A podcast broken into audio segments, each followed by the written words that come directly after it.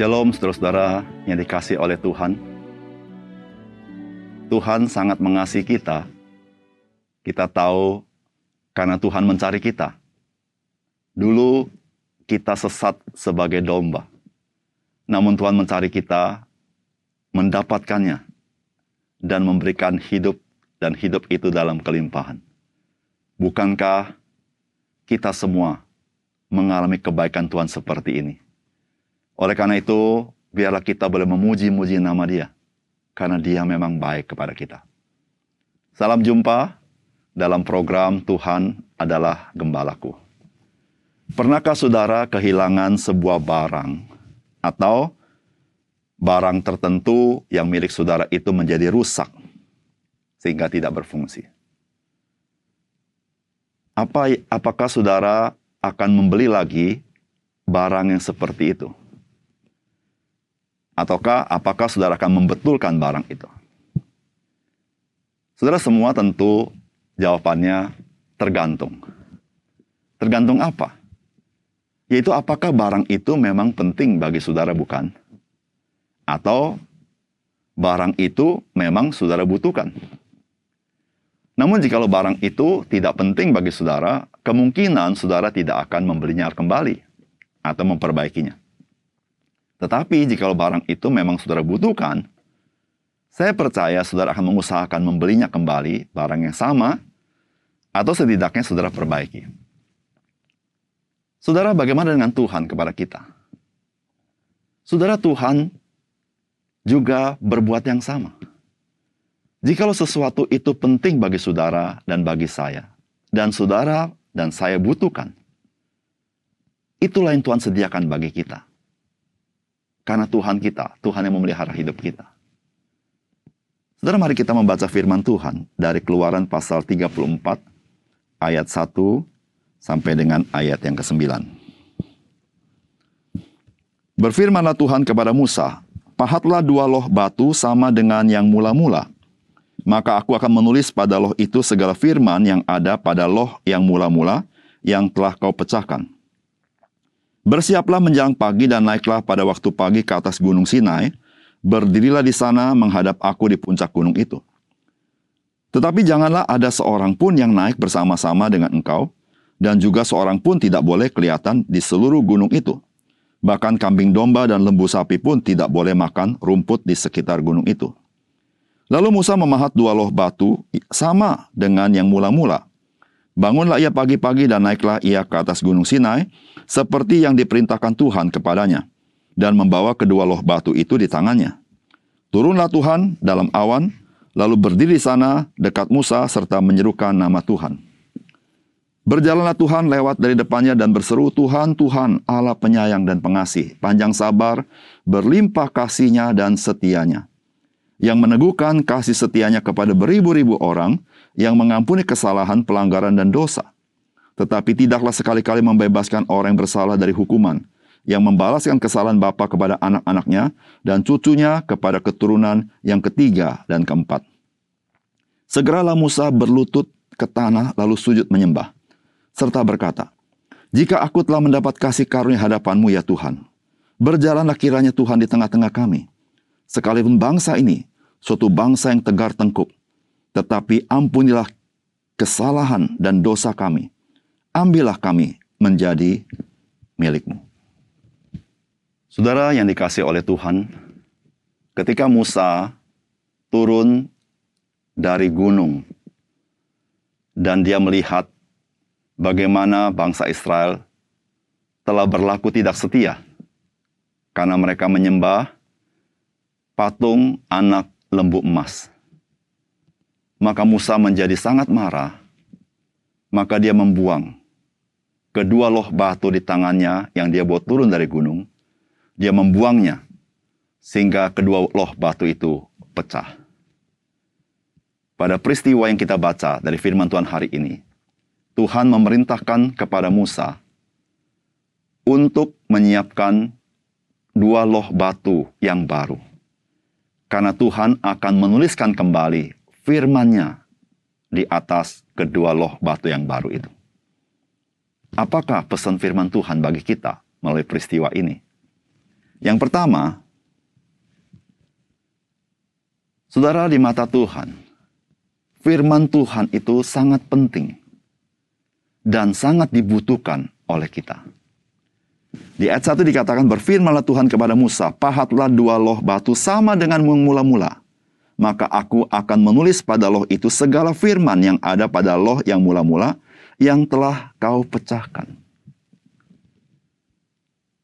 Saudara, mengapa Tuhan memerintahkan Musa untuk membuat kembali dua loh batu yang sama seperti sebelumnya yang telah pecah oleh Musa? Saudara, karena Tuhan melihat umat Tuhan membutuhkan firman Tuhan. Dan firman itu adalah penting bagi mereka. Karena mereka adalah umat Tuhan. Sebagai umat Tuhan, mereka harus tahu apa yang Tuhan perintahkan kepada mereka. Apa yang menyenangkan hati Tuhan. Karena Tuhan sudah membuat perjanjian dengan umatnya. Saudara yang kasih dalam Tuhan, demikian juga Tuhan kepada kita sebagai orang percaya. Saudara, mengapa Tuhan menyediakan Alkitab kepada kita? Menyediakan firman Tuhan kepada kita? Saudara, karena Tuhan tahu, saudara dan saya membutuhkan firman Tuhan. Di dalam kehidupan kita, di tengah-tengah dunia yang begitu gelap, begitu ada tipu muslihat iblis. Hidup kita banyak tawaran demi tawaran.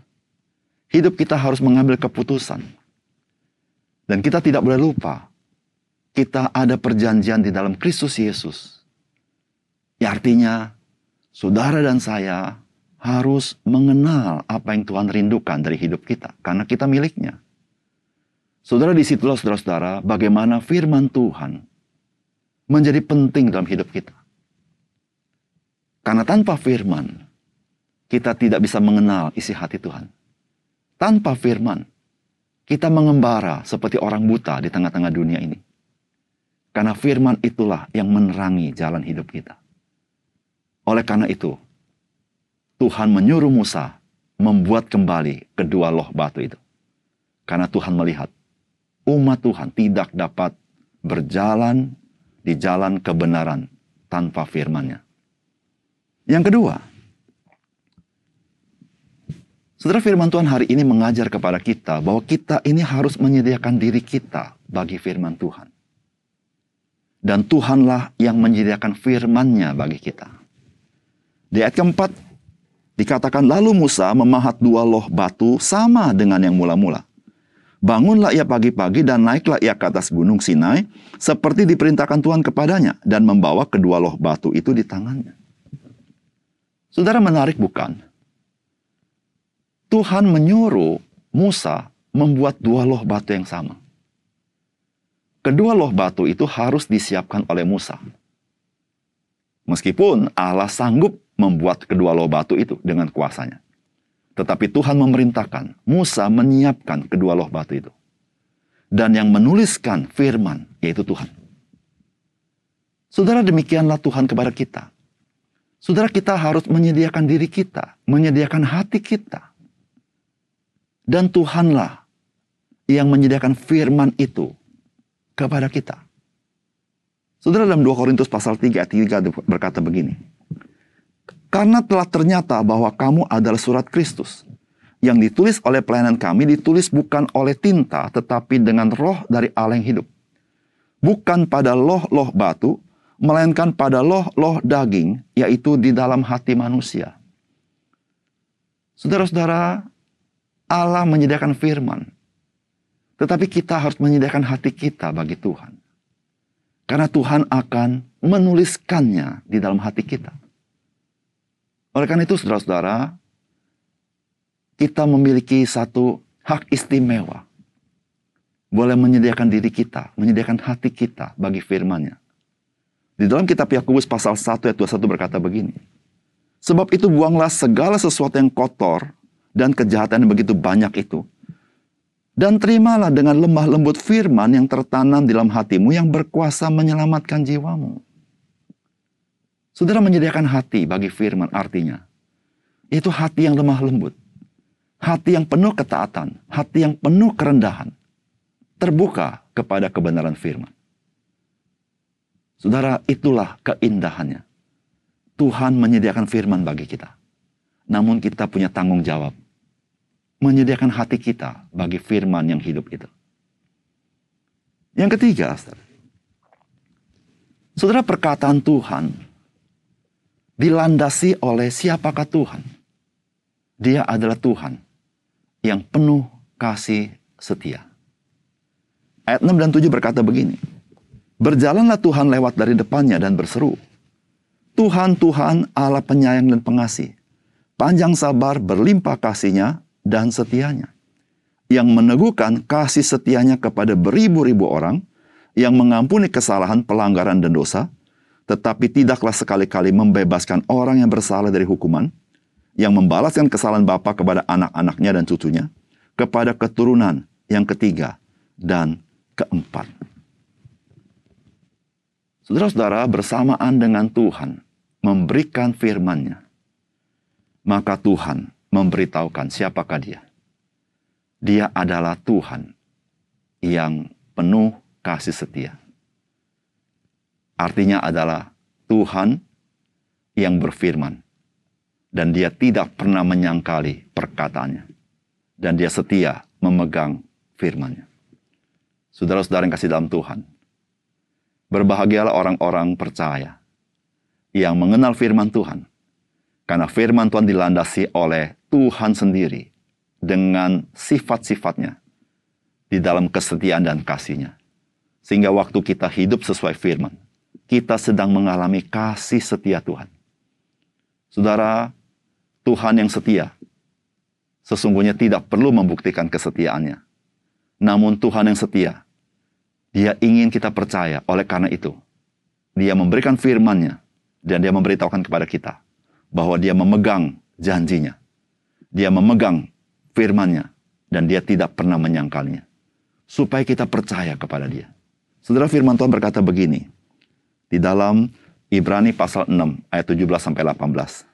Karena itu untuk lebih meyakinkan mereka yang berhak menerima janji itu akan kepastian putusannya, Allah telah mengikat dirinya dengan sumpah, supaya oleh dua kenyataan tidak berubah-ubah tentang mana Allah tidak mungkin berdusta, kita yang mencari perlindungan beroleh dorongan yang kuat untuk menjangkau pengharapan yang terletak di depan kita. Saudara, Tuhan itu Tuhan setia dan tidak diragukan. Namun Tuhan juga Tuhan yang membuktikan kesetiaannya dengan apa yang dia katakan. Sudah kasih dalam Tuhan, berbahagialah kita ketika kita mengenal Tuhan seperti ini. Dan kita mau tunduk di bawah firman-Nya. Dan di situlah kita mengalami anugerah kasih setia Tuhan dalam hidup kita. Mari kita berdoa. Bapak surga kami bersyukur kepada Tuhan.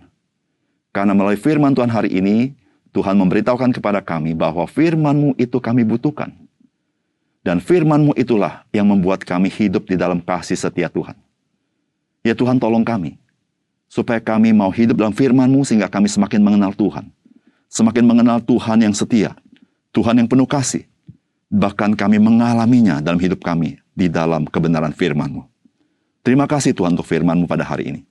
Dalam nama Tuhan Yesus kami berdoa. Amin.